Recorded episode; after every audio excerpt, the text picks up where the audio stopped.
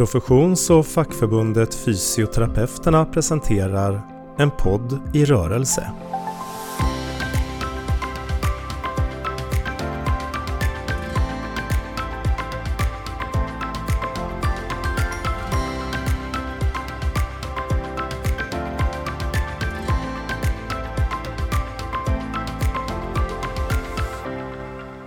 Välkomna till eh, Fysioterapeuternas podd. Eh, idag så ska jag prata med Louise Bringselius som har varit eh, forskningsledare i Tillitsdelegationen och som också har eh, lång erfarenhet som forskare inom organisation och ledarskap. Välkommen hit! Tack så mycket! Hur mår du idag? Jag mår utmärkt. Ja, vad spännande. Vad bra, tänker jag. Mm. Vi ska prata lite mer om just tillit och ledarskap. Eh, men kan du börja med att berätta lite kort om det tillitsbaserade ledarskapet? Eh, mm. Vad, vad, innebär det? Mm. Det tillitsbaserade ledarskapet innebär ju kortfattat att man vänder sig som chef nedåt till sina medarbetare eller de chefer du har under dig och frågar hur kan jag hjälpa dig att lyckas i ditt uppdrag? Så det innebär helt enkelt att vi sänker tyngdpunkten i organisationen och låter medarbetare få mycket mer att säga till om. Att de får mandat och stöd, det stöd de behöver för att driva utvecklingsarbete utifrån de behov som de ser. Så det är en idé, en ideologi eller en filosofi som bygger på delegering och bemyndigande av medarbetarna ute i kärnverksamheten. Men också av patienter och andra grupper som de möter. De ska också få ökat inflytande, är tanken. Det låter ganska nära den personcentrerade vården. Det är absolut, det går precis hand i hand med den personcentrerade vården. Sen finns det en diskussion om eh, där en del vill ge patienten mer inflytande men utan att ge professionen mer inflytande, alltså medarbetarna. Mm. Och där skaver det så att vi måste ha en, en maktförskjutning som möter både medarbetare och eh, patienter. Mm. Jag funderar en del på just personcentreringen, att faktiskt vidga de begreppen. Mm. Att inte bara prata om det som något som vi riktar mot personer som befinner sig i, i en patientsituation. Mm. Utan att faktiskt kunna rikta personcentrerat, till exempel som fysioterapeuterna, att vi arbetar personcentrerat mot mm. våra medlemmar. Ja, absolut. Man mm. skulle till och med kunna säga professionscentrerat. Att mm. både patientcentrerat eller personcentrerat och då profession. Så jag håller med om det. Mm. Det är en bra Hur tycker du att ledarskapet ser ut i Sverige då? Har vi tillitsbaserat ledarskap? Av Sverige i en internationell jämförelse så har vi ju rätt mycket tillit i våra organisationer. Det räcker att vi går över sundet till Danmark för att se en mycket mer hierarkisk ledarstil där. Men vi har en annan egenskap också, det är att vi gillar ju det här med ordning och reda. Så vi har en tendens att reglera och organisera och formalisera eh, någonting som driver på byråkratin i våra organisationer. Så fast det inte var meningen så har vi låst fast både medarbetare och också många chefer i strukturer som hämmar snarare än ger dem förutsättningar att göra ett gott arbete. Hur kan man, eh, hur kan man ta sig ur de strukturerna? Var ska man börja någonstans om man nu som chef vill börja jobba mer tillitsbaserat? Mm. Det är svårt för att det har blivit lite av ett självspelande piano, den här logiken vi har fastnat i. Där vi ser då en brist på tillit och mer formalism. Ehm, men man kan agera och alla kan agera på sin nivå. Ehm, vi kan prata om hur vi tänker kring vår filosofi. Är det att vi ska lägga ut inflytande och mandat till medarbetare och chefer? Eller är det att vi vill styra med dokument och formella riktlinjer och så? Ehm, när du, du som är chef, du kan alltid börja med att titta på hur du förhåller dig till dina medarbetare. Och jag tycker att en av de första saker du bör göra är att ta hjälp av någon extern och helt oberoende person som kanske kan följa dig, skugga dig i din vardag och se hur du arbetar vid möten och vid andra tillfällen. För att få ett objektivt perspektiv på ditt sätt att arbeta. Vi kan nämligen se att det finns många som tycker att de har ett tillitsbaserat ledarskap. Men i praktiken när vi sedan talar med medarbetare så får vi en helt annan berättelse. Så det är en sak jag tycker du kan göra. Ehm, sedan är det ju grundläggande det här jag sa med att vända dig neråt och fråga hur kan jag skapa förutsättningar för dig, hjälpa dig att göra ett gott arbete. Istället för att ge färdiga svar och riktlinjer och att så här ska du arbeta. Till den delen hör också tydliga mandat, tydliga roller, tydliga um, ett, ett tydligt uppdrag till dina medarbetare så att de vet vad de får göra och kan luta sig mot det här. För det ger också en trygghet till anställda. Mm. Det finns mycket man kan plocka ur för att bygga tillit. Den litteraturen om tillit i organisationer är väldigt omfattande. Och det handlar om allt från det jag just nämnde till Eh, det här med standardisering, vår tendens att behandla alla exakt lika oavsett vilka drivkrafter vi har. Ska du bygga tillit måste du se gruppen men du måste också se individen och hur den drivs och motiveras ut gentemot då uppdraget. Så det, det finns mycket att hämta ur det. Det som man kan höra ibland som en, eh, en kanske inte en kritik till just det tillitsbaserade, men just det där att man som, som chef ska anpassa sig och agera utifrån eh, de medarbetarna man har eh, gör ju att man som, som chef hela tiden måste förändra sitt beteende och hur man agerar tänker jag. Är man liksom, när är man sann som sig själv? Kan man vara det? Det är ju en svår fråga. Ehm, det här med sann mot sig själv, det är väldigt svårt för vi har ju så många eh, sidor mm. även som chef och den repertoaren är ju väldigt viktig för att kunna möta olika typer av medarbetare.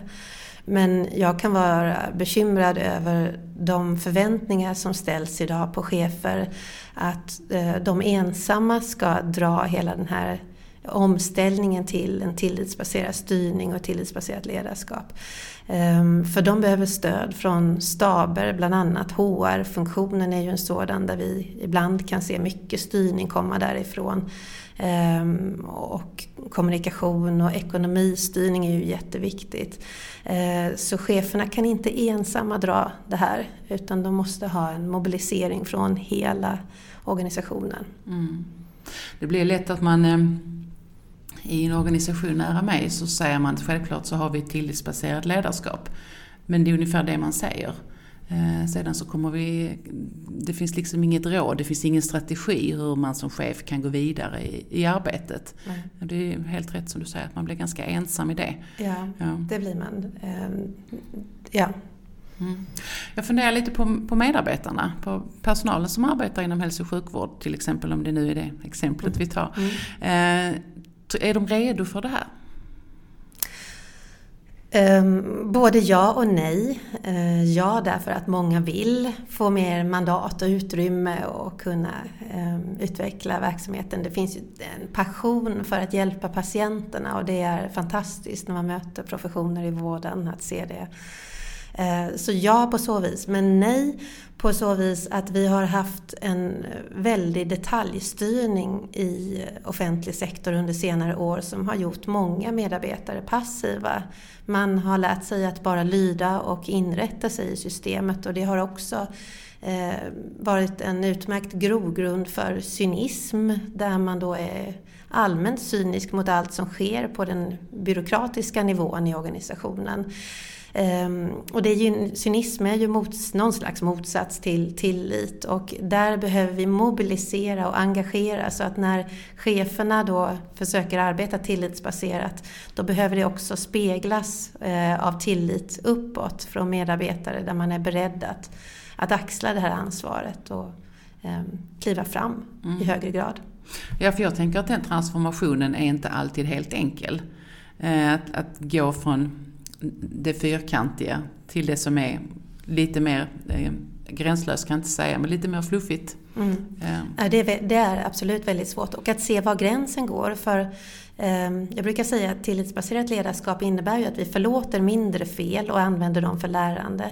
Men det innebär ju också att vi agerar hårdare, tuffare på de allvarliga problemen. Mobbning i organisationer och härska tekniker och, och eh, jäv och korruption och riggade rekryteringar och allt vad vi ser.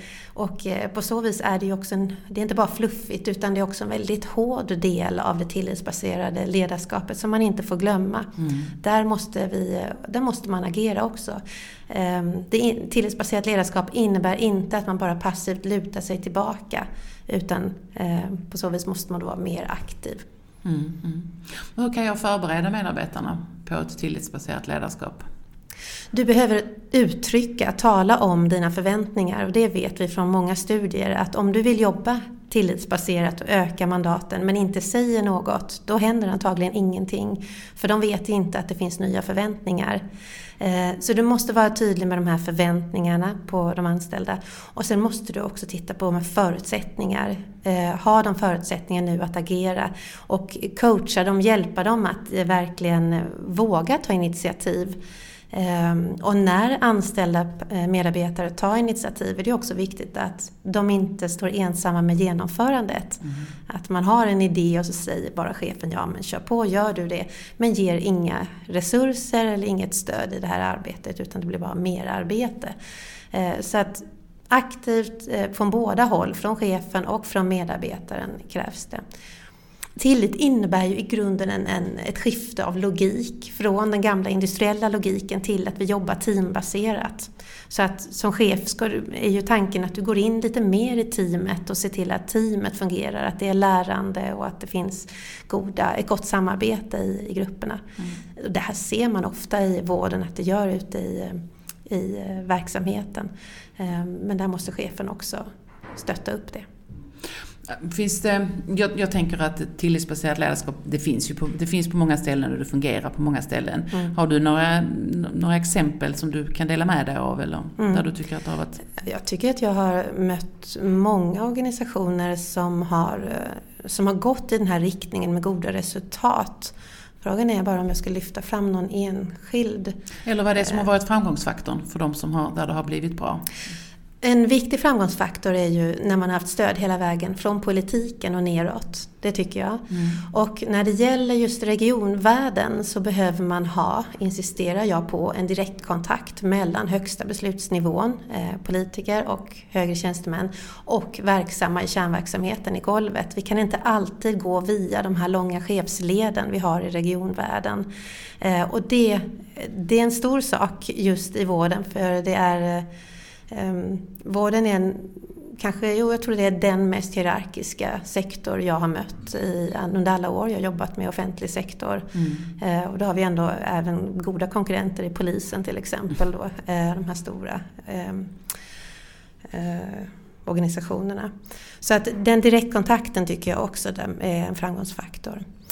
Andra framgångsfaktorer, ledarskapet har betydelse.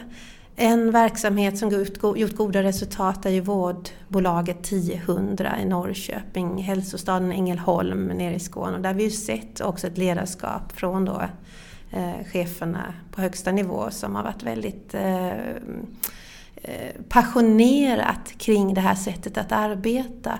Och att lägga in den här passionen i eh, inriktningen, i det här tillitsbaserade arbetet är viktigt. Att säga att det här är, det handlar om vår tro på människan och vår kapacitet som individer. Så det går bortom det här med resultatet och det kortsiktiga och så. Utan det är någonting som handlar om oss människor, våra relationer och vad det är att vara människa. Hur tror du att eh, jag tänker framtid. Mm. Eh, vad, vad, tror du kommer att hända med ledarskapet i framtiden? Ja. Eller om du får önska. Om jag, eller om jag får önska. Jag tror, det här är en riktning, en, en, utveckling som har pågått under så lång tid. Eh, vi talade om den nya ekonomin vid millennieskiftet och 1985 kom Jan Carlsson som var dåvarande SAS VD Eh, och skrev boken Riv pyramiderna. Det var precis på samma linje. Även Toyota-modellen med PG Gyllenhammar och Volvo Kalmarverken, samma idéer. Det här har liksom pågått under lång tid. Och när jag gick min grundutbildning på 90-talet och läste organisation, då sa man också att det är så här organisationer måste arbeta i en tid när kunskapen, människan, är den viktigaste resursen vi har. Eh, så att utvecklingen, absolut, den är på gång. Det händer, men det går långsamt. Och en förklaring är ju att det finns många som bevakar sina positioner och det är ju skönt att sitta och styra på avstånd och att tro på systemen, att det är de som ska vara perfekta istället för att tro på människan. Då vi måste utsätta oss för risk och se att ibland funkar det, ibland inte och så vidare. Eh, så absolut är jag optimistisk men jag ser att det kommer ta tid och det kan göra ont och bli svårt. Ja, för jag tänker att det är, det, det är ju också lite utmanande att leda på det viset. Ja, Eh, Men det. är ju, jag ser det ju som en av de få vägarna framåt. Att, eh, att tillsammans med medarbetarna Ja. eh, skapa en, en verksamhet som Ja. är, är bra. Absolut, så är det ju. Och vi ser hos första linjens chefer i vården är det väldigt påtagligt att de är en del av teamet ofta. De brukar ofta liksom ha det här mindsetet. Problemen eh, ligger snarare högre upp. De Mm. ligger på högsta nivån. Eh, och i stabernas sätt att arbeta. Eh, eh, HR till exempel hette förr i tiden personalavdelning. Nu heter det alltså Human Resource Management och man talar om att man bara man är till för cheferna och inte för medarbetarna. Eh, hör jag då att man berättar om, och även på utbildningarna säger man det. Det här, det går inte att ha den attityden i framtiden. Vi måste ha en HR-funktion som är, går armkrok med både chefer och medarbetare. Vi behöver organisationer där vi inte skiljer så mycket mellan chefer och medarbetare utan där vi har tillsammans perspektiv där även då centrala staber och funktioner är med på att kliva tillbaka och släppa fram kärnverksamheten. Mm. Eh, Jag tycker det här låter så himla spännande. Eh, och Jag tänker att om man vill läsa mer lite grann om de teorierna som du pratar om så har du skrivit en del böcker Mm. som man kan beställa på nätet. Absolut, Mm. så är det. Eh, Men jag har en sista fråga till dig. Om du skulle få eh, äran att bli statsminister Mm. under några dagar eller en vecka Ja. eller så, vad skulle du göra då? Oh, vad skulle jag göra då? Det här är ju eh, ja, det här är ingen lätt eh, omställning utan den, den kommer ta tid och kräva att alla mobiliseras. Men jag skulle nog fundera över eh, regionnivån. Hur, hur mycket nytta har vi av detta med region, regioner som en, en förvaltningspolitisk nivå i Sverige? Eh, och om man finner att vi har sån nytta av det så tycker jag att vi ska, då hade jag sett till att delegera från de här koncernkontoren, regionkontoren på en högsta nivå, att minimera där och istället skapa så, sätta alla de här resurserna, stödresurser och så vidare ute, så långt ut i kärnverksamheten som möjligt. Så att man blir väldigt autonom där ute. Och jag hade minskat eh, tonvikten vid de här detaljerade ersättningsmodellerna med DRG och så vidare. För att istället ha en bred anslagsfinansiering där personalen får stort mandat att bestämma hur de, hur de vill arbeta. Det hade jag ju det hade jag i alla fall gjort. Mm, mm. Det låter väl som en bra början för en Mm. statsminister. Mm. Tack så hemskt mycket Louise för att du ville komma hit. Stort tack! En podd i rörelse presenterades av Fysioterapeuterna.